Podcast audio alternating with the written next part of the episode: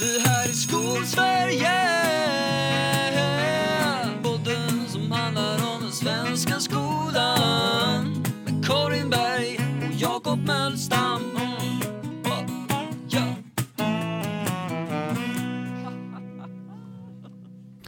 Så då rullar vi igen med en serie i nu tre delar.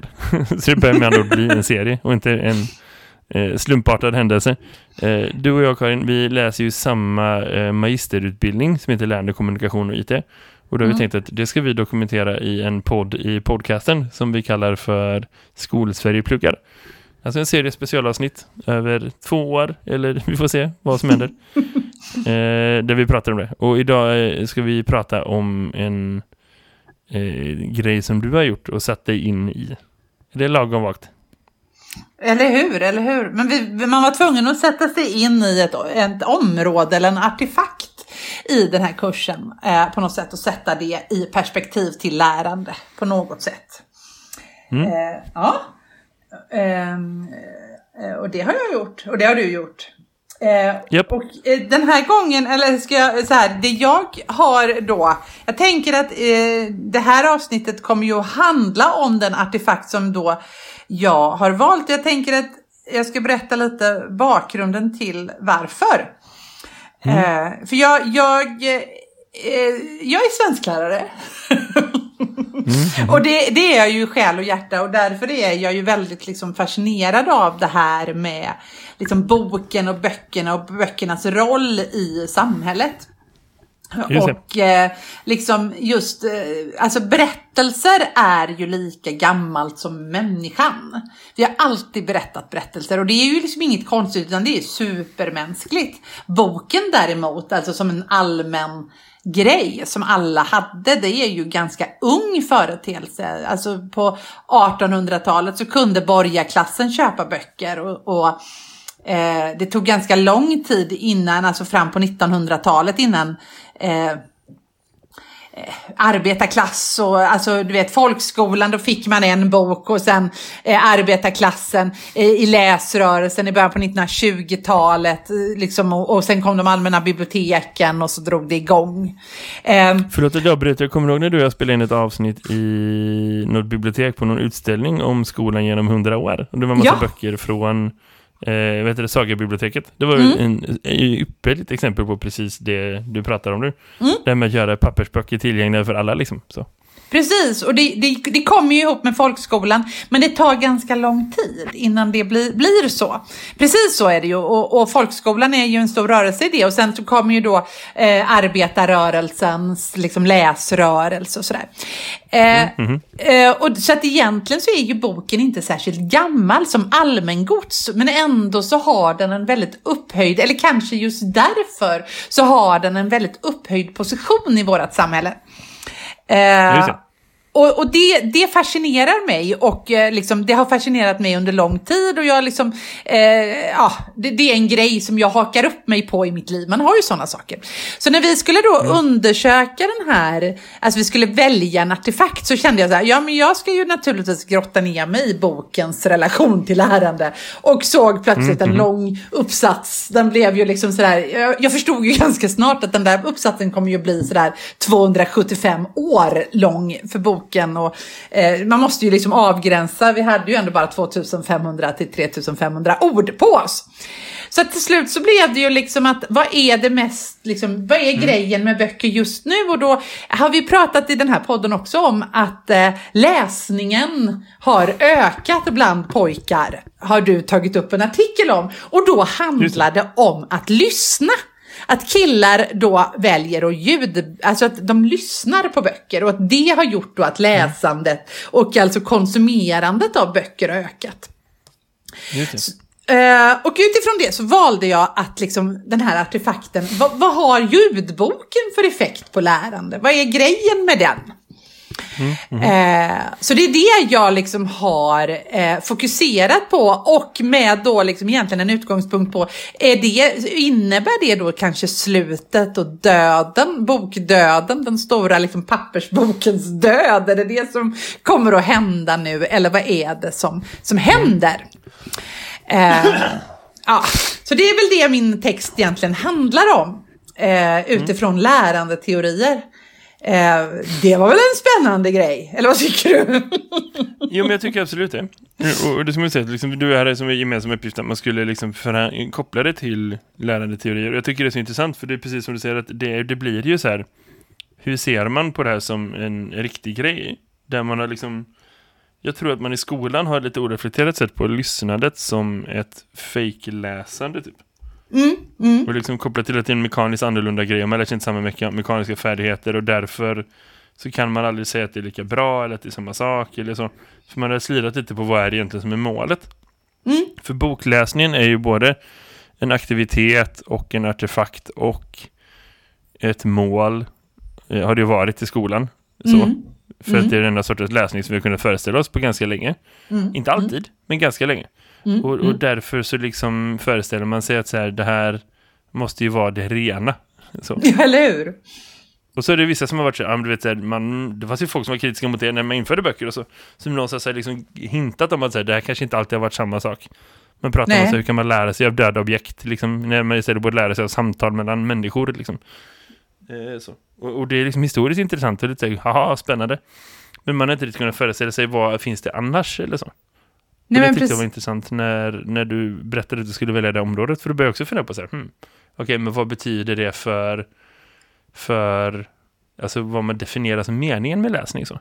För visst är det så, man kan ju inte gärna tänka att det är så här ljudläsning och, alltså som är att lyssna, och bokläsning, som är att säga pappersläsa saker så, Mm. är samma i, i en, alltså, vad är det som är samma, vad är det som egentligen skiljer sig åt? Metoderna är olika naturligtvis. Mm. Och, och man får ju liksom olika så sidoeffekter, men är huvudmålet samma? Kan man säga det? Eh, det beror ju på vad det är du ska träna. Eh, det, det är ju det här som blir så, så intressant. Är det så att, att jag vill att, att eleverna ska få ta till sig en klassiker till exempel. Jag vill att de ska läsa Madame Bovary. Eh, är det då viktigt att de faktiskt läser Madame Bovary på papper? Eh, och, och då har det ju då funnits att det är lite tjusigare att säga att man faktiskt har läst den på papper och att det är någonting som människor verkligen skäms över om de har lyssnat och det erkänner vi inte. Det är verkligen en grej som vi verkligen ljuger om. Det, det har då jag hittat eh, belägg för att i forskning att man faktiskt gör.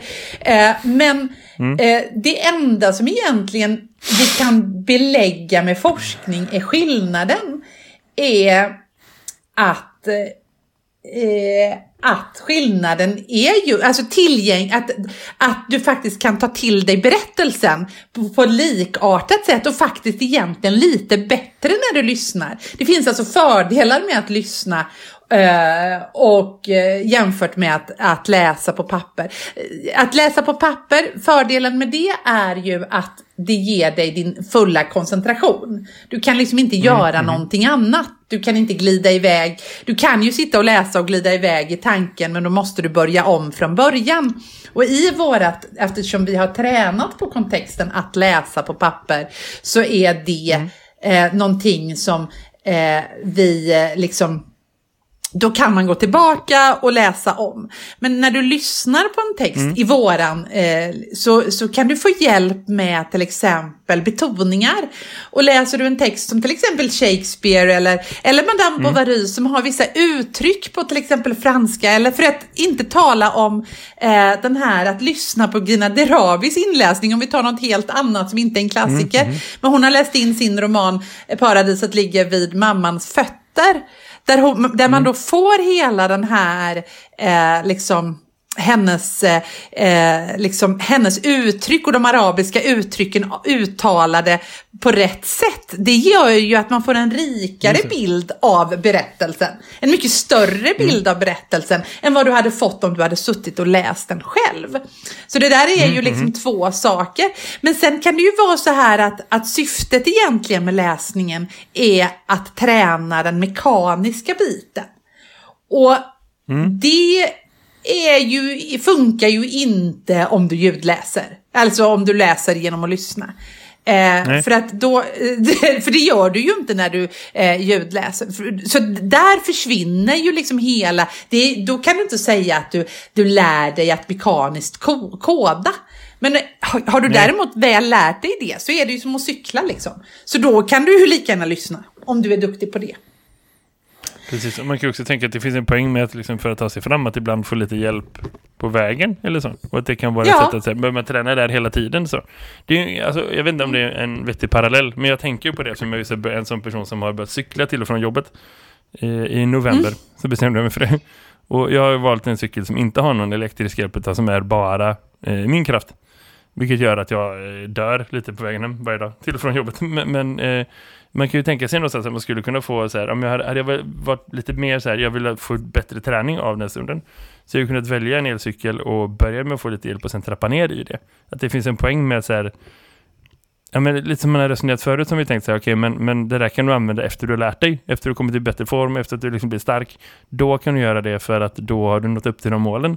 Mm. Men det är så här, vad är meningen med att ha det när jag redan kan det? Det är väl bättre i så fall att få hjälp med det för att kunna liksom hålla motivation uppe och liksom kunna hålla liksom anpassa utmaningar och uppgifter under tiden jag lär mig. För det kanske är en bättre process fram till att snabbt och utan att behöva stanna i uppförsbackar ta mig hela vägen till och från jobbet. Liksom så. Mm. Alltså, men det kan vara olika perspektiv i det. Och, och det finns olika laddade frågor.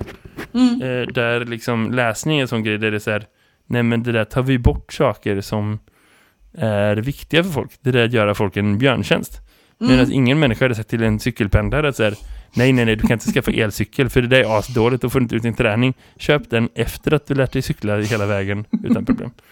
Jag vet inte om det är en hållbar referens eller om det inte funkar. Det är du som är eh, våran nya ljudbokskorrespondent här. Så du får säga vad du tycker om det. Ja, men jag, jag tror att det finns en, eh, alltså en sak som vi behöver ha väldigt klart för oss, som inte jag hade klart för mig i det här, när jag började liksom leta litteratur i det här, så trodde väl jag att jag skulle liksom få den här att där man, att man konstaterar att det är väl bra att lyssna eftersom att allt är väl bra men du koncentrerar dig inte lika bra och du lär dig inte lika bra. Jag trodde nog liksom att det, det var min, eh, liksom min förutfattade mening på vad jag skulle få för resultat. Ehm, Men sen så började jag ju nysta i det där och, och hittade lite olika forskare som sa liksom att för det första så är, spelar det egentligen ingen större roll för, för liksom en, en person som, är, eh, som, som redan har lärt sig koda, koda av. Då kan man lyssna och plocka ur diskmaskinen och liksom tillgöra, tillgängliggöra sig ännu mer litteratur än vad du har gjort innan. Det funkar alldeles utmärkt. Det fanns liksom flera stycken forskningsrapporter liksom, rapporter på. Eh, Men sen fanns det också den här som jag tyckte var mest intressant och det var ju den här om privilegier. Eh, Att man tar upp det här att i västvärlden, alltså för det första då så är det ju inte så att det är långt ifrån alla kulturer där man säger att, att eh, text, text är eh, det fina om man säger, utan i väldigt många kulturer så är det talade det sanna. Och bara det att i indiska språk så är att höra och att lära samma verb. Eh, det är ju i sig en intressant liksom, aspekt av det hela. Och eh, att då ehm, eh, och att i det perspektivet så förstår man ju att det här är ju ehm, Eh, alltså det här har med kultur att göra, men det har också med privilegier. För att när böckerna kom till Europa och det började bli en grej, så var ju böcker väldigt dyrt och väldigt tjusigt. Och när borgarklassen började kunna skriva böcker och köpa hem böcker, så var man ju väldigt stolt och mallig över det. Och det finns liksom en statussymbol kring det här med böcker som liksom gör att vi, eh, vi vill liksom behålla den där statusen. Det finns liksom någon slags försvar av privilegier och hålla våra klasser. För att de som faktiskt lyssnar på ljudböcker och som faktiskt vinner mest på att lyssna på ljudböcker, det är ju de som inte har tid att, de som behöver, alltså om man tittar på eh, i USA, där det här har slagits väldigt, väldigt mycket, alltså i superstort. De, man jobbar två jobb och på vägen till och från kan man lyssna på en bok för att man har inte, eh, men man har ju fan inte tid att ligga på en säng och läsa en bok, det finns inte. Men även den ensamstående mamman eller du vet, eh, de som bor trångt och som inte, eh, där det liksom aldrig blir lugn och ro, att stoppa in boken i öronen då, det är liksom ett sätt att liksom faktiskt eh, göra en revolution för att ge unga människor eller andra liksom, eh, icke-privilegierade klasser tillgång till den här finlitteraturen om man säger. Och det handlar inte om att man inte kan läsa utan det handlar om den miljön man lever i. Och är det någonting vi har lärt oss i den här distansundervisningstiden så är det så att unga människor i Sverige idag har väldigt olika förutsättningar i sina hem. Just. Eh, så just det eh, tycker jag var eh, intressant och egentligen om man nu liksom ska avrunda det hela så är det väl kanske så att ljudboken egentligen, man, vi behöver nog bli lite snällare i våran syn, precis som vi, har, vi, vi älskar att köpa elcyklar och vi ska nog inte skämmas för att vi lyssnar på ljudböcker utan vi ska, eh, och inte hindra våra elever att göra detsamma. Om det inte är så att, även om vi behöver hitta sätt att träna den här mekaniska läsningen. För att ju fler vi kan få till att läsa och se eh, den här, liksom, eh, att få, få ta del av klassikerna, desto bättre är det ju. Eller hur? Ja, ja. Jag tycker det låter som en superbra eh, idé. Och jag tycker det är någonting som jag ändå har gått och funderat på. Nu har det några veckor sedan som vi gjorde de här arbetena och så när du berättade om det här första gången. Och jag har verkligen gått och funderat på det sedan dess. Och jag tycker att det finns en bra poäng i det du säger. Och, och, och jag tänker att det är liksom det ligger i linje med så här, tidens utveckling någonstans. Att säga, men saker och ting går framåt. Och, och det är inget som behöver tänka att boken är död, att det ska ta slut, det ska vara över, vi kommer aldrig med andra böcker och så. Men det är Nej. inte det enda sättet att tillgodogöra sig lä läsning. Och vi behöver förhålla oss öppet till det om vi vill eleverna väl, typ. Ja, precis. Och, och vi behöver liksom, det här är, är till och med en revolution. Där vi kan, eh, där vi kan liksom förstora. Eh, alltså tillgängliggöra. Jag menar, det, det är inte så att alla elever i Sverige har läst Kafka. Om det nu är det som är grejen. Men, men, Nej, eh, verkligen inte. Eh, men, men, men idag så genom, att, genom ljudboken så kan faktiskt fler eh, orka göra det. Så tänker jag. För det är inte så dumt att läsa Kafka. Nej, nej. Ja. Nej, det är verkligen. Jag håller med om det. Karin, superintressant. Tack för att du berättade om den här grejen. Jag känner Mm. mig en, genast mer upplyst. eh, ja, vad roligt. Men då, eh, det, men det kommer fler avsnitt i den här serien. Bland annat din. Eh, din Precis. lilla text. Artefakt. Exakt, nästa avsnitt kommer handla om eh, min, mitt motsvarande arbete som inte handlar om ljudböcker. Eh, Nej. så, och vill man veta mer om det, då får du klicka dig vidare i poddflödet. Så kommer det fler avsnitt. Ja, ha det så fint. Ha det gött, hej! Det här är Skolsverige